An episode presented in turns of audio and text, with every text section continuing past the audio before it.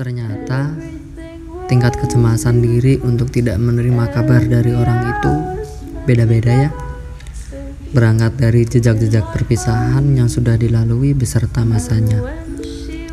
Jangankan menunggu kehadirannya kembali, menerima ia tak bersama lagi untuk sementara waktu saja masih belum bisa.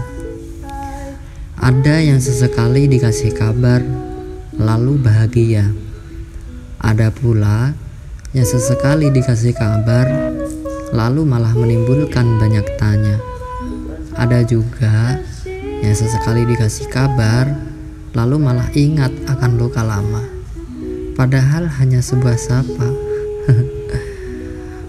Pernah nggak sih menunggu berjam-jam atau berhari-hari atau bahkan berminggu-minggu hanya untuk menunggu sebuah kabar? Buka tutup aplikasi, mata tak terarah melihat apa, apalagi pikiran.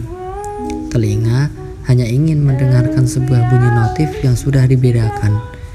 Karena bagiku, kabar adalah sebuah hal yang penting. Jadi, jika sekarang belum ada kabar, menahan rindu nggak apa-apa. Menahan rindu juga perjalanan dari mencintai. Tapi, jika nanti sebuah kabar itu datang, bunyi notif yang sudah dibedakan itu bunyi, kamu harus siap dengan nanti yang akan terjadi. Entah kamu akan merasa bahagia, muncul banyak tanya, atau bahkan sampai ingat akan luka lama. Jika sakit lagi, ya nggak apa-apa, kan masih bisa di-refresh, kan bisa dicoba kembali.